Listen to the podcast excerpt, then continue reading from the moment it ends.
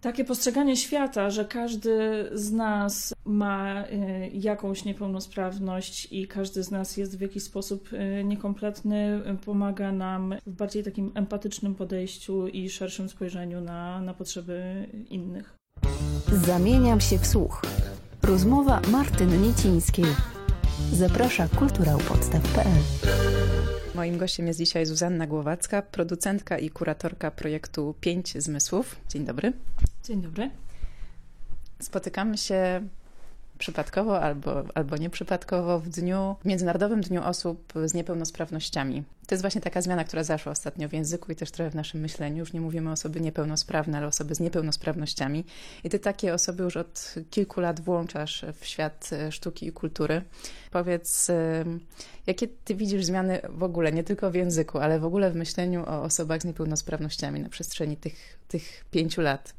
Myślę, że y, przede wszystkim staramy się dokonać takiego przesunięcia, y, żeby nie mówić już o wydarzeniach, które są dla osób z niepełnosprawnościami, tylko żeby mówić o wydarzeniach, które są y, z ich udziałem. I mimo iż medialnie projekt Pięć Zmysłów prezentuje się jako dedykowany osobom z niepełnosprawnościami i całemu środowisku wokół niepełnosprawności, to jednak naszym y, celem już od kilku edycji jest to, żeby dokonać takiego przesunięcia i co roku, kiedy podsumowujemy projekt, a właściwie to jest w tej chwili ten, ten czas, bo, bo tydzień temu zakończył się projekt Pięć Zmysłów, jego dziewiąta y, edycja, to co roku zastanawiamy się nad tym, y, kiedy dojdziemy do takiego etapu, że ten projekt nie będzie już potrzebny w takiej formie, w jakiej jest. I nie ukrywam, że myślimy o tym, żeby go w przyszłości przeformułować. W przyszłym roku czeka nas dziesiąta edycja Pięciu Zmysłów, więc to będzie y, najlepszy moment na takie bardzo duże y, podsumowanie, na zaproszenie wszystkich y, artystów i animatorów, którzy do tej pory z nami współpracowali. Natomiast później będziemy myśleć na pewno y, o tym, żeby przenieść nasze działania trochę i więcej pracować z osobami, które właśnie zajmują się animacją kultury. Czy podzielasz moje odczucie, że na początku przycieraliście szlaki, a teraz już jest trochę łatwiej i, i macie więcej partnerów, macie z kim współpracować? Ponieważ to jest moja piąta edycja, y, którą, którą współtworzę, więc dostrzegam, jak sama właściwie dorastam y, razem z projektem Pięć Zmysłów. Wcześniej tylko obserwowałam ten y, projekt jako, jako widzka i na pewno na początku wzbudzał on y, ogromne zainteresowanie. Mówię o pierwszych dwóch jego edycjach. E, potem, w momencie, kiedy ja przejęłam ten projekt, obserwowałam taki trochę spadek tego zainteresowania i w tej chwili z powrotem wzrost, więc taka, taka sinusoida. To oczywiście patrząc z takiej perspektywy na, na całe 9 e, lat e, tego projektu. Każda edycja jest zupełnie różna od siebie, różne też są działania. W tym roku właśnie zamiast wydarzenia finałowego o charakterze artystycznym, też zdecydowaliśmy się na zorganizowanie interdyscyplinarnej konferencji Kod dostępu, rozmowy o kulturze, która nie wyklucza. Oczywiście taką potrzebę, żeby pogadać? Czuliśmy taką potrzebę, żeby po tych dziewięciu latach już zacząć podsumowywać działania i zacząć łączyć y, siły, bo przy okazji konferencji powstał też Atlas dla y, Kultury, który jest bardzo ważną publikacją i nie powstałaby ona, gdyby, gdyby nie udział innych animatorów.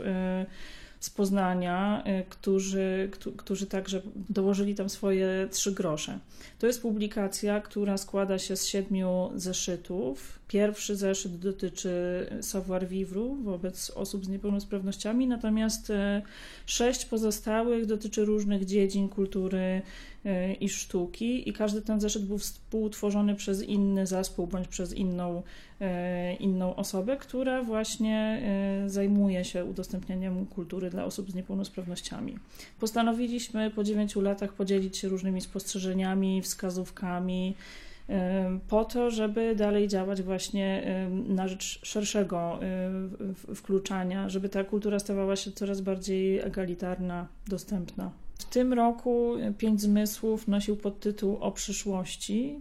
To oczywiście ze względu na konferencje oraz y, rozmowy o tym, co w przyszłości należy zmienić, ale był to także temat warsztatów, które odbywały się w ramach projektu, bo nie zapominajmy, że cały projekt trwa co roku około dwóch miesięcy i my przyjeżdżamy do około 30 ośrodków w całej Wielkopolsce. Tam y, odbywają się różne warsztaty artystyczne. Zazwyczaj zawężają się one do jakichś kilku dziedzin artystycznych. W tym roku zmieniliśmy trochę y, zasadę, ponieważ organizowaliśmy warsztaty w odpowiedzi na potrzeby e, naszych uczestników i jeżeli e, na przykład chcieli oni, żeby zorganizować warsztaty muzyczne, czy taneczne, czy teatralne, czasem plastyczne, to takie staraliśmy się właśnie e, organizować. Natomiast przyszłość, może taka futurystyczna wizja przyszłości, a czasami taka bardzo twardo stąpająca po, po ziemi, mówiąca o katastrofie ekologicznej, o tym, że, że ludzie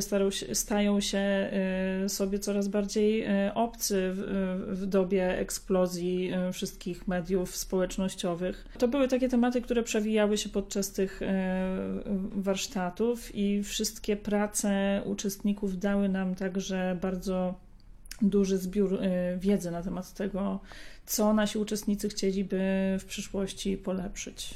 Czy uczestnicy pięciu zmysłów się powtarzają, przewijają się te same osoby? Y, powtarzają się i nie, bo y, z jednej strony co roku staramy się wracać do tych samych y, ośrodków lub na przykład robimy rok przerwy, a rok później gdzieś, gdzieś przyjeżdżamy, natomiast co roku pojawiają się też jakieś nowe ośrodki, z którymi, z którymi współpracujemy. Nie jesteśmy co roku organizować w tych samych miejscach, bo, bo musielibyśmy po prostu powiększać to stopniowo 30, 30, 30, tak by się po prostu to roz, rozrastało. Natomiast e, dużo, dużo uczestników czy dużo e, ośrodków terapii zajęciowej odzywa się do nas co roku i e, pyta, czy przyjedziemy z takimi warsztatami, więc staramy się jak najbardziej odwiedzać wszystkie te miejsca, a także właśnie wracać do tych, z którymi współpracowaliśmy kilka lat temu. Kolejna edycja jesienią 2020 roku?